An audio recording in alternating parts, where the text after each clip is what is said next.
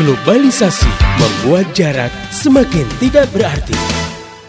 Jadi hukum memainkan alat musik ya dari sisi aktivitas memainkan alat musik itu saja ya atau Iya. mengenai alat musiknya sendiri Mhm. ya maka boleh-boleh saja atau mubah gitu. Nah, kalau kemudian ada dalil syar'i tertentu yang mengharamkan ya, maka alat musik tersebut haram dimainkan gitu.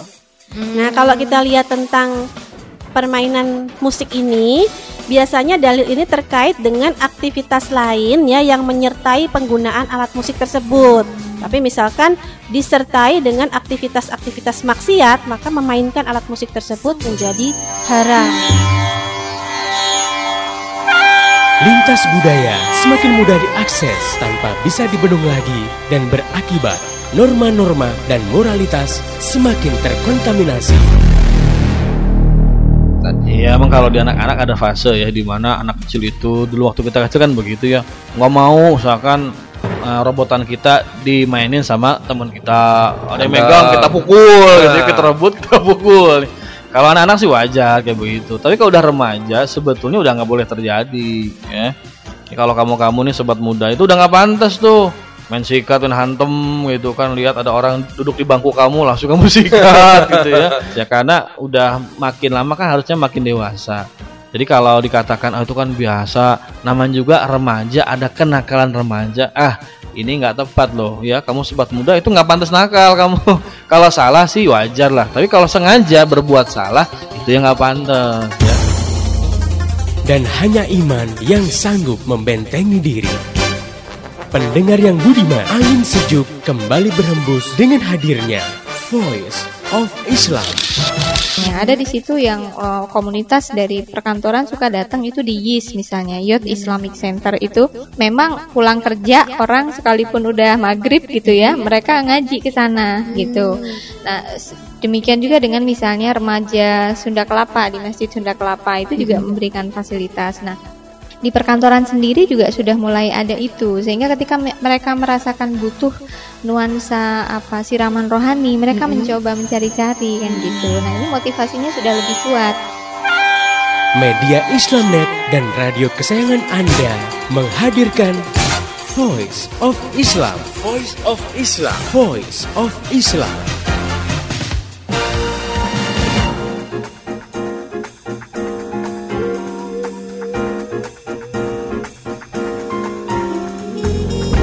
Halo Indonesia, Assalamualaikum warahmatullahi wabarakatuh. Jumpa lagi dengan saya Harun Kurniawan dalam Voice of Islam. Kerja bareng Media Islamnet dengan radio kesayangan Anda ini. Dan selama sekitar 30 menit ke depan Voice of Islam akan mengisi ruang dengar Anda. Dan kali ini dalam rubrik Tamu Kita Pekan ini. Pendengar yang budiman, Alhamdulillah. Sudah hadir bersama saya narasumber yang mengasuh rubrik ini Ustadz Oleh Solihin, Sarjana Ilmu Komunikasi. Assalamualaikum Ustadz Oleh. Waalaikumsalam warahmatullahi wabarakatuh. Sar. Eh, Kang Oleh aja mungkin ya dipanggilnya. Ya, ya. boleh. Gimana kabarnya nih Kang? Alhamdulillah sehat. Alhamdulillah sehat. Baik, baik. Pendengar yang budiman, kalau ngomongin masalah cinta nggak pernah bosen kayaknya sih. Cinta tak pupus oleh waktu dan senantiasa hadir dalam kehidupan kita. Asik untuk dibahas, tak lelah untuk menuliskannya. Karena cinta memiliki keunikan dan keajaiban. Nah, bicara tentang cinta, ada satu fenomena yang perlu kita perhatikan dan juga menarik tentu saja.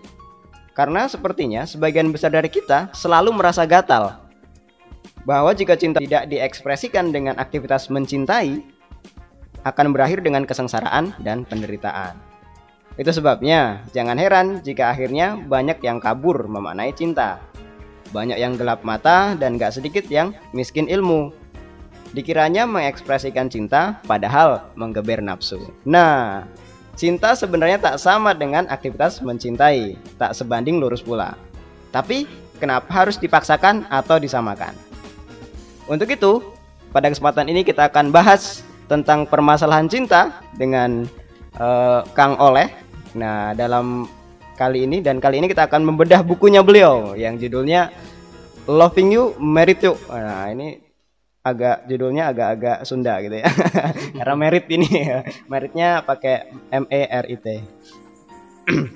nah, Kita langsung aja ngobrol sama Kang Oleh nih tentang eh, bukunya beliau eh, kitab kupas tuntas bukunya beliau ini.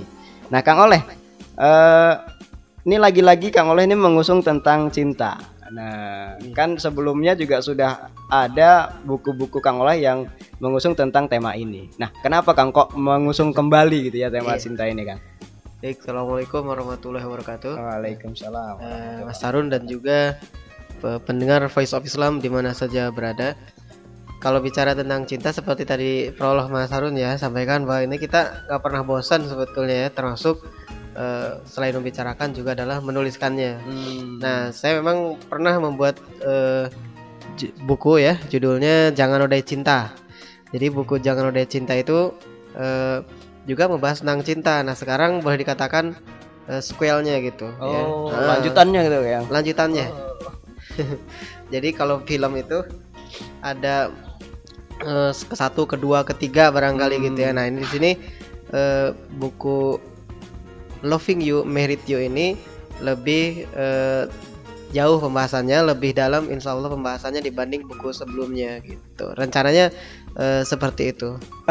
Kalau boleh tahu ini sebenarnya buku keberapa sih Kang? Eh, tulisan Kang Oleh ini buku keberapa dari tulisan Kang Oleh dan juga kalau buku yang ini terbit tahun berapa? Oh iya. Jadi buku ini kalau di penerbit yang eh, sama ya, artinya di penerbit Gema Insani ini adalah buku yang ke 6 ya, Oh, buku yang keenam. ke-6 Loving You Merit You ini itu tahun 2005. Sebetulnya udah lumayan Hmm. lama ya, bulan Juni tahun 2005. Jadi buku ini memang sudah cukup lama tetapi alhamdulillah kalau eh, membicarakan mungkin seperti karena judulnya tentang cinta ya, temanya tentang cinta. Jadi ya everlasting kelihatannya gitu ya. Sama seperti buku sebelumnya yang Jangan Nodai Cinta itu alhamdulillah masih eh, banyak juga orang yang eh, apa istilahnya minta untuk membedahnya gitu. Oh gitu. Iya. Rencananya udah ada lagi Kang. Sequelnya ada lagi nih. sequelnya kelihatannya eh, akan ada ya, Akan tetapi ada, insya Allah ya. eh, ini masih dalam dalam tahap penulisan belum selesai. Oh gitu kita tunggu saja. Ya, Oke mungkin kita fokus ke buku yang Loving You Married You ini Kang. Mungkin bisa diceritakan eh secara global isinya nih apa aja nih biar biar pendengar di mana pun berada bisa sedikitnya tahu dan mungkin kalau tertarik kan akan beli gitu Kang. Iya mungkin bisa diceritakan. Iya, jadi eh, buku Loving You Merit You ini eh, ini ada lima bagian ya. Jadi buku itu emang cukup tebal ya, sekitar 400 halaman. Wah. Eh, enggak nyampe ya sekitar segitu kelihatannya ya. Jadi eh, hampir lah 390 berapa gitu ya. Nah, itu memang cukup tebal dan eh di hardcover ya. Jadi itu kalau isinya memang berkaitan eh, dengan cinta bagian yang pertama itu itu sekilas tentang cinta. Jadi eh, dibahas seperti apa misalnya rasa suka ya, kemudian dari mana datangnya cinta, bahagia punya cinta dan kenapa bisa sayang. Nah, di sini ada semacam filosofinya ya, eh, paradigmanya tentang cinta itu seperti apa sih gitu. Kenapa sih kita suka sama orang? Nah, itu kita Hmm. bahas. Karena ada juga eh, rasa cinta dengan rasa suka itu ternyata berbeda gitu kan. Heeh, jadi tertarik pun berbeda. Jadi ada orang kalau kalau rasa suka itu eh, bahkan atau tertarik atau suka ya itu hampir sama eh, tahapannya itu kalau melihat saja melihat saja itu sudah suka gitu orang itu Hmm. walaupun dia belum tahu siapa dirinya kan gitu siapa orangnya tapi kalau cinta itu harus tahu dulu orang itu Oh. iya jadi orang tuh harus eh, mendalami dulu baru dia bisa cinta gitu. Hmm. biasanya demikian. Nah, nah, ini dibahas juga di di buku yang eh, apa di bagian yang pertama. Eh, juga tentang bahagia punya cinta dan kenapa bi- kenapa bisa sayang. Nah kemudian di bagian eh, dua nah itu tentang manusia dan cinta bahwa hubungan ini ternyata setua umur manusia gitu Oh, ya sejak zaman Nabi Adam dulu Betul, sejak zaman Nabi Adam.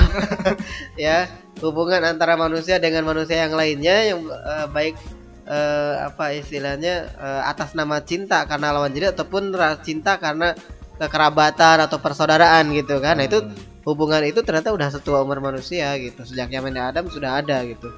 Juga kemudian dibahas eh, cerita yang everlasting. Nah, ini maksudnya bahwa cinta itu memang ya awet gitu ya. Eh, tak kena ya timeless lah gitu. Waktunya nggak nggak ada batasannya. Terus aja dari dulu sampai sekarang. Relevan terus ya. Relevan terus insya Allah. Dan cinta ternyata tak sekedar suka gitu ya. Nah itu juga dibahas bahwa kalau tadi di, yang pertama tuh dibahas rasa suka oh ya suka itu nggak perlu orang tahu dulu siapa dirinya dan sebagainya. Yang penting suka kan gitu tertarik.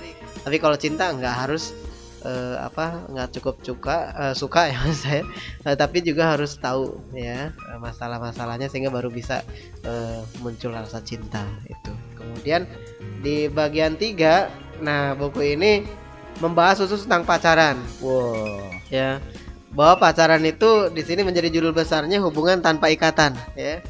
Jadi pacaran ini sebetulnya hubungan tanpa ikatan ini ya. Jadi sejak kapan manusia itu pacaran? Nah itu dibahas seperti itu. Ya jadi mulai mengenal pacaran tuh orang sejak zaman apa sih gitu kan? Oh, gitu. iya di sini dibahas. Ya kemudian emang pacaran tuh asik. Ya pertanyaan ya emang pacaran tuh asik gitu kan? Emang asik ya? Gitu kan? Nah itu dibahas.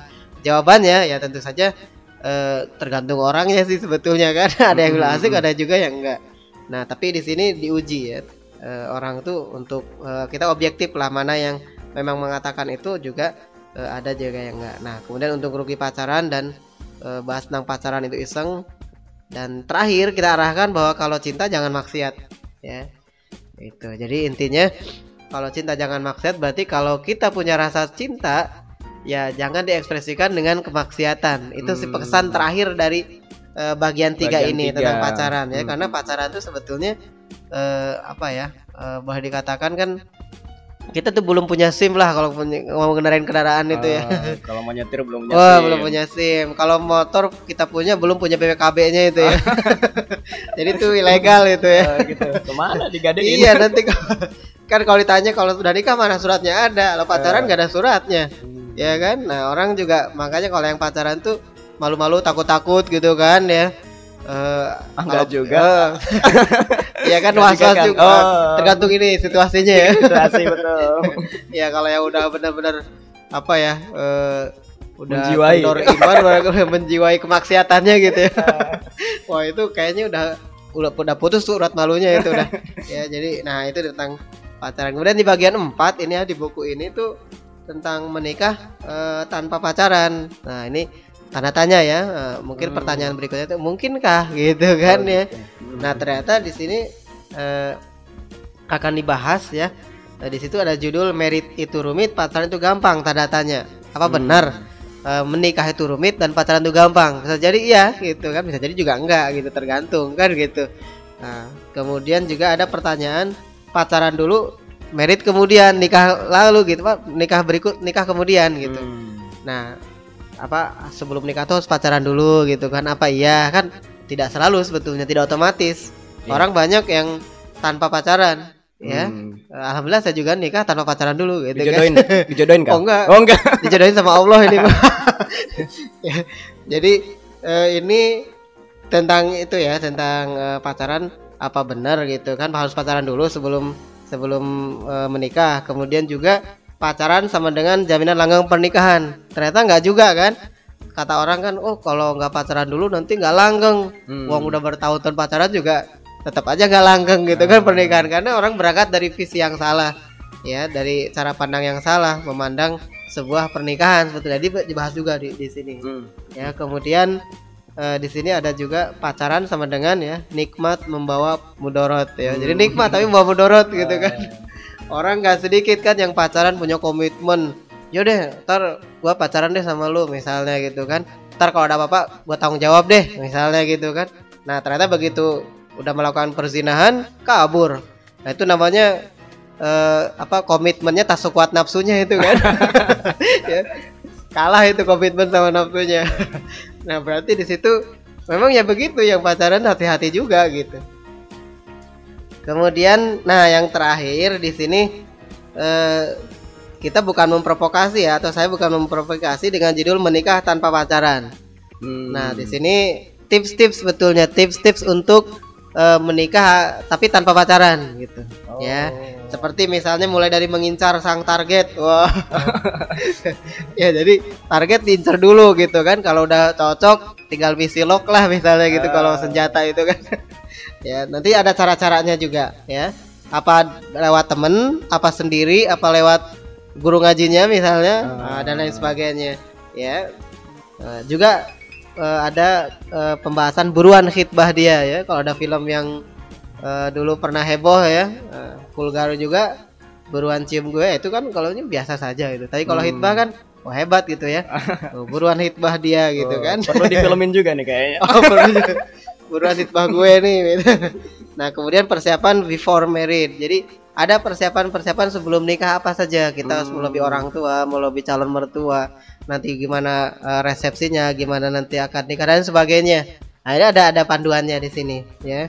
Kemudian bagaimana kalau ternyata menikah itu tanpa rasa cinta? Nah, gitu kan. Banyak orang, aduh saya sih dijodohin nih sebetulnya. Hmm. Sebetulnya saya boro-boro suka sama dia. Oh, cuman saya gak enak sama orang tua saya gitu kan. Habis dia ganteng sih, misalnya gitu kan. Habis dia kaya sih, ya udah saya mau. Oh, ya macam-macam lah orang kan ini. Walaupun saya gak suka gitu kan awalnya. Atau apalah eh, kondisi-kondisi tertentu yang memungkinkan eh, dia menikah tapi ternyata berawal tanpa rasa suka, tanpa rasa cinta. Hmm. Nah, mungkinkah berjalan rumah tangganya ya sebetulnya dengan baik maksudnya? Ya Allah alam ya, tapi bisa gitu kan. Kalau kita punya komitmen ingin ingin menjadikan pernikahan itu sebagai sarana ibadah, pernikahan itu sebagai sarana untuk eh, menghindari perbuatan-perbuatan eh, dosa, Hmm. saya pikir seringnya kita bertemu itu akan memunculkan rasa cinta. Oh. Gitu ya. Jadi kayak Jawa itu tadi. Ah, Witing ya? Tresno kan. Oh, itu yang terus. Soko. Tresno ya jalanan. jalanan Soko Kulino ya. Kulino. Bukan jalanan Soko selingkuh ya. nah, jadi itu harus eh, memberikan eh, pasti ya rasa cinta. Makanya di eh, apa namanya? eh, dalam tafsir Ibnu Katsir itu ketika membahas tentang surat eh, Ar-Rum ya, ayat 21 tuh. Hmm, ayat nikah ya. Eh, Iya, tentang nikah. itu kan bahwa Allah tuh memang akan me- me- ini memberikan rasa cinta gitu, Hmm. ya. Nanti kan kita juga sering kalau sering bertemu akrab juga nanti, ya. eh. Nah, jadi kalaupun tanpa rasa cinta misalnya dijodohkan atau apa gitu kan, yakin kalau kita punya komitmen ingin eh, membangun rumah tangga itu, ya insya Allah nanti lama-lama kan dia juga bisa. Ini yang penting eh, calonnya itu kan benar gitu kan, keimanannya Hmm. benar, eh, kemudian eh, akhlaknya baik ya, dan itu masih hidup ya. Kalau nggak hidup, ya itu ini ya. Jadi yang rajin sholat gitu kan, jangan yang sudah disolatkan nanti repot itu, meninggal itu mah ya. Nah, kemudian ada juga pembahasan ini tahun pertama hidup berdua. Wah ini, ini ternyata ada tips-tips gitu kan, karena hidup eh, tahun pertama ini kan biasanya kalau kata orang honeymoon ya oh, bulan madu oh, bulan madunya sepanjang tahun gimana ya nggak apa-apa gitu kan. Nah di sini eh, ada tipsnya kan. Mungkin awal-awal karena apa? Karena kita tuh menyatukan dua hati yang berbeda kan. Hmm. bukan hanya dua hati dua pikiran juga yang berbeda Iya, kan. betul, dua keluarga yang berbeda masing-masing membawa masalah dan sebagainya. Maka di sini harus pandai-pandai eh, resepnya itu kan ada saling percaya saling menguatkan eh, saling mendukung dan sebagainya ya. Nah kemudian yang terakhir di sini hadapi masalah dengan kebersamaan. Hmm. Nah itu di di bagian kelima itu di beberapa sub eh, babnya itu subjudulnya itu adalah menghadapi masalah secara bersama-sama. Memang kalau cuma ngandelin cinta itu nggak nggak mungkin ya istilahnya saya cinta cinta itu tidak menyelesaikan masalah gitu. Cinta itu hanya untuk memberikan ruang bagi kita berpikir jernih untuk bisa menyelesaikan masalah itu saja. Jadi cinta itu tidak menyelesaikan langsung masalah tidak, tapi dengan cinta kita akan memberikan ruang bagi kita kesempatan untuk berpikir jernih eh, dalam menghadapi masalah sehingga bisa mencari jalan keluar gitu dan Wah. ya ada bersama. Pikir itu ya eh, kira cukup ya. Ya, kayaknya Pembahasan keren nih yang berkaitan nih. dengan Wah. buku ini. Jadi kalau pengen lengkap ya ada di bukunya. Ah, kayaknya nih keren banget Gitu. jadi kayaknya kalau Iya, nggak beli agak penasaran juga nih. Iya, iya. Oke Kang, kalau bicara tentang target nih Kang, eh, dituliskannya atau Iya. dibuatnya buku ini sebenarnya targetnya apa dari Kang Oleh sendiri nih?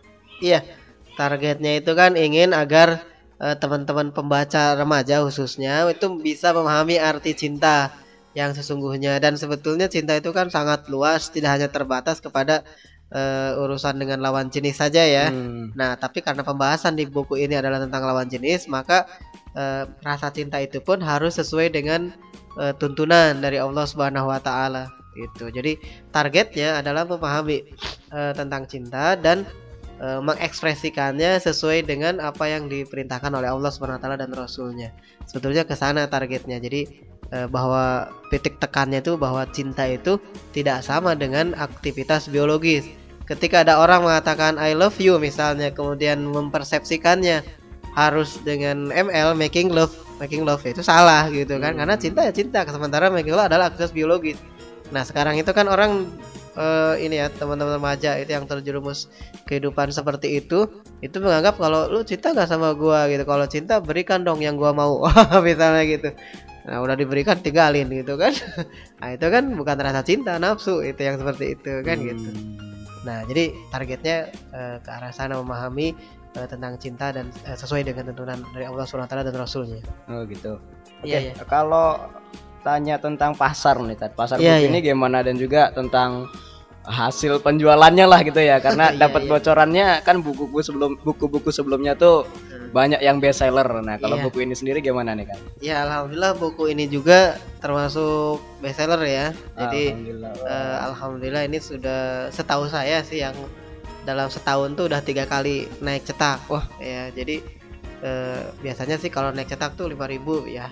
Sekali naik cetak 5000 5000. Memang sih ya kalau dihitung-hitung kan juga sekitar 15 ribuan gitu ya. Tetapi itu termasuk bestseller kalau di penerbit tersebut gitu, gitu. kan untuk ukurannya. Saya alam kalau eh, target apa eh, standar yang dibuat oleh eh, nasional misalnya seperti apa ya. Hmm. Nah, tapi dari responnya itu alhamdulillah banyak juga lewat email gitu kan yang atau SMS ya, lewat telepon itu yang eh, mengapresiasi buku ini ya. Jadi Hmm. eh, sebagai panduan apa ya? eh, panduan singkat barangkali ya tentang memahami cinta dan juga eh, tentang pernikahan gitu walaupun eh, singkat ya, tapi itu memberikan ya insya Allah ya memberikan tambahan wawasan bagi teman-teman pembaca Hmm, itu. gitu. Iya. Oke, nah Kang Oleh, kalau setelah melakukan apa ya penelitian gitu ya mungkin dan pengamatan sebenarnya faktanya cinta, faktanya masalah cinta di kalangan remaja sekarang nih gimana sih Kang? Gitu. Iya, masalah cinta di di apa di kalangan remaja memang secara umum ya kita bicara secara umum kalau kasus per kasus kan pasti beda-beda ya. Hmm. Nah, tapi kalau secara umum kita bisa melihat bahwa ra- tentang kasus percintaan ya di kalangan remaja itu sebetulnya memang sudah menjadi tradisi ya kelihatannya gitu. Jadi kalau udah SMP gitu kan belum pacaran itu dianggapnya kuno, ketinggalan Hmm. gitu kan. Apalagi SMA, apalagi kuliah Oh, gitu iya. kan nggak punya pacar tuh dianggapnya lu suka sejenis jangan-jangan misalnya gitu. Nah, jadi fenomena tentang rasa cinta ini memang eh, secara umum tuh orang mengekspresikannya dengan itu, dengan pacaran Hmm. mungkin pacaran dari mulai ada yang biasa-biasa saja gitu kan Eh, artinya yang yang sopan-sopan lah gitu kan Hmm. cuman jalan berdua apa ke gitu kan surat-suratan Ah, tapi ada juga yang kemudian sampai eh, parah ya misalnya kebablasan. kebablasan juga ada jadi itu memang kalau dipretelin satu-satu ya tergantung eh, individu-individunya. Tapi secara Hmm. umum memang ini orang menganggap bahwa eh, rasa cinta itu harus diekspresikan dengan dengan pacaran gitu. Nah ini kan eh, sebetulnya nggak nyambung gitu kan. Hmm. karena orang kalaupun rasa cinta itu tidak diekspresikan saja misalnya nggak akan membuat sakit gitu ya. Paling dia gelisah gitu kan. Gelisah terus nggak makan ya sakitnya karena nggak makan. Iya, karena mikirin yang lain bukan karena cintanya bukan penyebab utamanya gitu. Nah ini ini seolah-olah eh, tema tentang apa pacaran pun akhirnya menjadi hal yang biasa ya di, di tabloid misalnya dimuat bagaimana Hmm. tips PDKT gitu padahal pas udah PDKT dia PMDK juga gitu pendekatan lu dapat kagak Oh. dia stres gitu kan ya. jadi dia harus eh, apa istilahnya merasa harus mencokan itu harus seperti itu ya Hmm. nah harus eh, diekspresikan dengan pacaran nah itu kan eh, salah keliru gitu nah ini fenomena banyak di kalangan remaja ya seperti itu Oh gitu. Nah kemudian kalau masalah solusi ini eh, kan ada ya solusi dalam Islam. Nah kalau Iya. solusi dalam Islam apakah cuma nikah nih kan? Nah Oh. ini kan permasalahan yang cukup berat gitu kan ya dan juga Iya. gimana dengan permasalahan nikah dini kan gitu. Hmm. Iya, kalau soal nikah dini ya itu juga tergantung ya eh, ininya maksud saya eh, individu-individunya ya dan juga eh, harus dipahami bahwa pernikahan itu memang betul dalam pandangan Islam untuk mengekspresikan rasa cinta antar lawan jenis itu ada yang ikatan yang sah yakni pernikahan. Tetapi pernikahan pun bukan berarti dengan begitu saja orang gampang ya untuk menikah tapi harus juga punya kesiapan baik kesiapan material ya. Hmm. kemudian spiritual dan juga order deal kan gitu. Nah di sini harus harus jelas ya harus bisa dipahami keilmuannya misalnya. Saya harus siap ilmu? Ilmunya tentang apa ya? Ilmu nanti membina rumah tangga ilmu hak dan kewajiban suami itu harus tahu kan gitu. Selain itu juga kesiapan mental. Kesiapan mental ini penting juga gitu. Bahkan mungkin dibanding eh, kesiapan yang lainnya dia termasuk juga eh, apa ya eh, dia menonjol gitu kan. Hmm. orang kalau mentalnya udah kuat kuat gitu ya. Kalau soal ilmu dia mungkin bisa dikit-dikit ya bisa belajar gitu kan. Nah mental artinya siap menghadapi apa pun eh, kondisinya kan gitu. Itu juga harus harus menjadi. Nah makanya kalau kemudian dikorelasikan dengan pernikahan dini itu kan masih muda berarti kan Hmm. ya.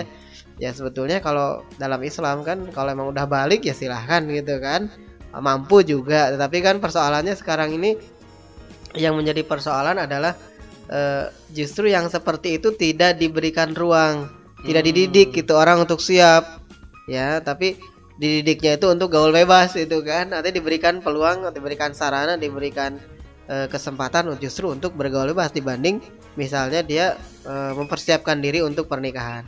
Nah, jadi kalau menurut saya baik itu nikah dini ataupun nikah yang sudah dengan dini atau dengan yang dengan yang sudah lewat gitu kan usianya misalnya nggak masalah yang penting itu benar menurut Islam. Nah, persoalannya itu umumnya kalau pernikahan yang masih muda itu kan banyak ya barangkali belum matang gitu ya kalau kata kalau kalau kayak buah gitu kan. Jadi harus harus disiapkan dulu gitu terlebih dahulu. Nah, jadi solusinya memang kalau untuk yang masih muda makanya saya nulis buku itu adalah untuk teman-teman remaja agar di pertama ya targetnya itu agar dia mampu memahami eh, tentang masalah cinta dan juga eh, konsekuensi-konsekuensi nanti kalau ingin mengekspresikan dengan pernikahan. Jadi tambahan wawasan saja dulu gitu kan. Hmm. Sementara ya terutama kalau itu masih remaja masih sekolah ya dia belajar dulu lah gitu kan mempersiapkan diri dulu dan baru nanti saat kalau memang udah siap segalanya baik ilmu pun material ataupun mental insya Allah lah ya eh, itu bisa dijalani gitu Hmm. Lalu Kang Oleh nih ada yang menarik nih dari isi buku itu terutama di bagian 5 ya gitu ya tentang pernikahan. Nah, sebenarnya eh, ini kehidupan eh, ini pengalaman pribadi bagi Akang sendiri atau memang mengambil dari pengalaman-pengalaman orang lain gitu tentang iya pernikahan ini. iya tentang pernikahan eh, itu adalah ini dari saya artinya pengalaman kehidupan pribadi Oh. eh, pernikahan juga ada ngobrol-ngobrol dengan tetangga yang Hmm. sudah eh, apa senior ya data saya atau dari teman-teman jadi cerita-cerita eh, dengan eh, teman-teman yang saya dapatkan itu ya ins- terinspirasi kemudian saya masukkan ke dalam pembahasan oh ini loh pengalaman saya Hmm. ketika pertama kali menikah itu malah kagok gitu kan misalnya terus dia merasa udah sekarang mah saya harus pulang teratur gitu karena di rumah sudah ada yang nunggu kan gitu. Dulu juga ada sebetulnya ibunya kan gitu ya. cuman ya dicuekin kalau ibunya kali ya. Nah itu sekarang oh ada yang diri yang merindukan saya misalnya kan gitu. Jadi ada hal-hal yang unik. Mungkin di tahun-tahun pertama itu ada yang kagok ada yang mungkin ada yang kaget juga barangkali karena nggak pernah eh, pacaran gitu ya. Begitu nikah itu kaget malah ada eh, apa cerita teman istri saya itu dia malah loh ini siapa? Gitu kan. Wah kaget dia padahal ternyata dia udah nikah. Loh ada laki di sini. Ternyata suaminya. Lupa. lupa dia. Nah itu kan ya wajar lah cerita kan lucu kayak gitu gitu Hmm. masukin. Terus pengalaman saya pribadi misalnya bagaimana eh, dengan anak-anak saya kemudian hubungan dengan eh, istri saling percaya dan sebagainya itu ada insya Allah di situ. Ya jadi memang baik pengalaman pribadi maupun pengalaman dari beberapa teman yang sharing dengan saya. Oh, gitu. Nah, ini mungkin ini butuh tips juga pendengar yang budiman sekalian ini perlu tips juga yang sedang dilanda cinta. Nah, kalau belum siap nikah nih terus ngapain gitu. belum siap nikah ya jangan sampai muncul jerawat ya Aduh. Iya, jadi kalau belum siap nikah ya jangan dipaksa gitu kan. Karena yang terpenting itu memang yang terpenting itu bagaimana kesiapan kitanya ya, mentalnya gitu, kesiapan ilmunya dan eh, kalau kesiapan materi itu relatif ya sebetulnya.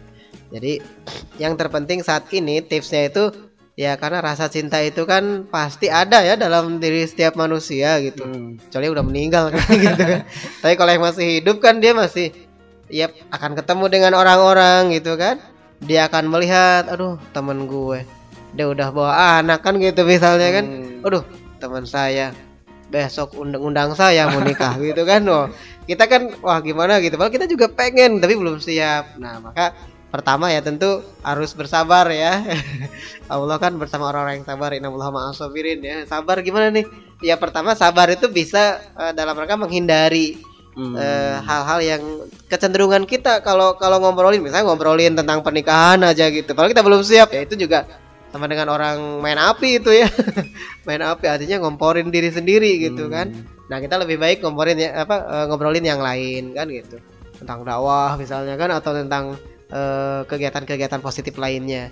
Sehingga eh, pikiran-pikiran yang berkaitan dengan pernikahan tuh eh, bisa dimin- diminimalisir gitu, diminimalisir. Nah, itu kemudian kita yakin berdoalah gitu kan pada Allah eh, kalau memang eh, apa kita udah tahu nih kita udah udah ngincer orang itu gitu kan ya.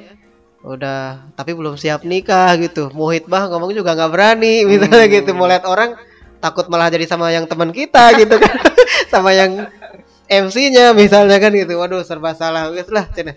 Atau udahlah kata saya ini aja ya udah sa- sabar ya. Kalau saya sabar mengertian dia berdoa saja gitu. Kalau memang itu jodohnya pasti gitu ya pasti akan menjadi jodohnya gitu. Nggak ke mana nggak akan ke mana ya. Jodoh tuh di tangan Allah bukan di tangan Hansip ya. tangan Hansip ketahuan lagi pacaran. Udah deh kawinin aja deh. Jodoh tangan Hansip katanya gitu ya. Nah jadi ini menyiapkan dirinya itu ya menyibukkan diri ya dengan kegiatan-kegiatan yang positif lainnya. Kemudian ya eh, apa istilahnya menghindari peluang-peluang untuk bertemu dengan orang yang kita sukai itu gitu kan ya misalnya jarang bertemu, jarang berkomunikasi gitu. Karena kalau sering bertemu, sering berkomunikasi itu akan terus ini. Sementara kita belum siap. Ya syukur-syukur kalau kemudian masih kuat ya gitu. Tapi kalau nggak kuat gimana? Jadi pacaran nanti kan malah mungkin kelebih dari itu bisa berzina nauzubillah min zalik. Maka memang harus eh, ya kita juga melawan diri kita dan juga melawan lingkungan sebetulnya sekarang ini.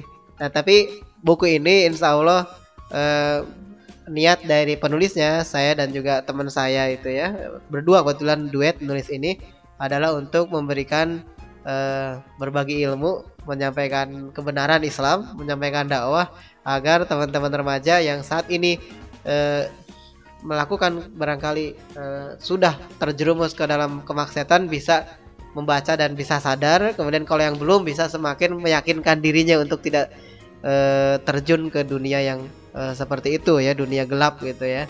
Dunia kemaksiatan lah ya. Tapi mohon untuk istiqomah nanti di dengan eh, kebenaran Islam ini. Saya pikir itulah ya harapan ke- untuk pembaca itu yang kebetulan ya, terutama pem- pembaca remaja. Yang kebetulan membaca buku saya. Terima kasih. Ya, eh, menarik sekali tapi sayang waktu juga yang membatasi kita. Oke, pendengar yang budiman, itu tadi bahasan kita tentang cinta dan bedah buku Loving You Married You eh, karyanya Kang Oleh Solihin. Satu hal yang bisa kita tarik dari bahasan tadi adalah kita ya bersabar kalau sedang eh, dilanda jatuh cinta tapi belum siap untuk nikah, katanya bersabar. Nah, dan juga pesan yang paling penting adalah ya beli buku ini. Baik, eh, buat pendengar yang ingin bertanya, memberikan kritik, saran dan masukan, Anda bisa kirim surat ke radio kesayangan Anda ini atau bisa kirim melalui SMS di 085694924411 juga bisa melalui email di mediaislamnet@yahoo.com. Untuk informasi lebih jauh tentang Voice of Islam, radio-radio mana saja di seluruh Indonesia yang menyiarkannya, topik-topik yang akan dibahas, juga info-info lainnya silahkan klik di www.gaulislam.com. Saya Harun Kurniawan dan seluruh kerabat kerja yang bertugas mengucapkan terima kasih kepada Kang Oleh atas bincang-bincang yang menarik ini sama-sama dan juga pendengar yang telah setia mengikuti acara ini sampai dengan akhir. Pesan saya, sampaikan apa yang Anda peroleh dari acara ini kepada yang lain agar rahmat Islam bisa segera tersebar luas, termasuk di kota Anda yang tercinta ini. Mari menimbang masalah dengan syariah. Assalamualaikum warahmatullahi wabarakatuh. Demikian tadi Voice of Islam. Voice of Islam. Semoga hikmah yang terkandung bermanfaat untuk kita semua. Amin amin amin ya robbal alamin. Kembali bisa Anda dengarkan Voice of Islam. Voice of Islam menghadirkan topik-topik seputar kehidupan kita esok hari di waktu dan gelombang yang sama.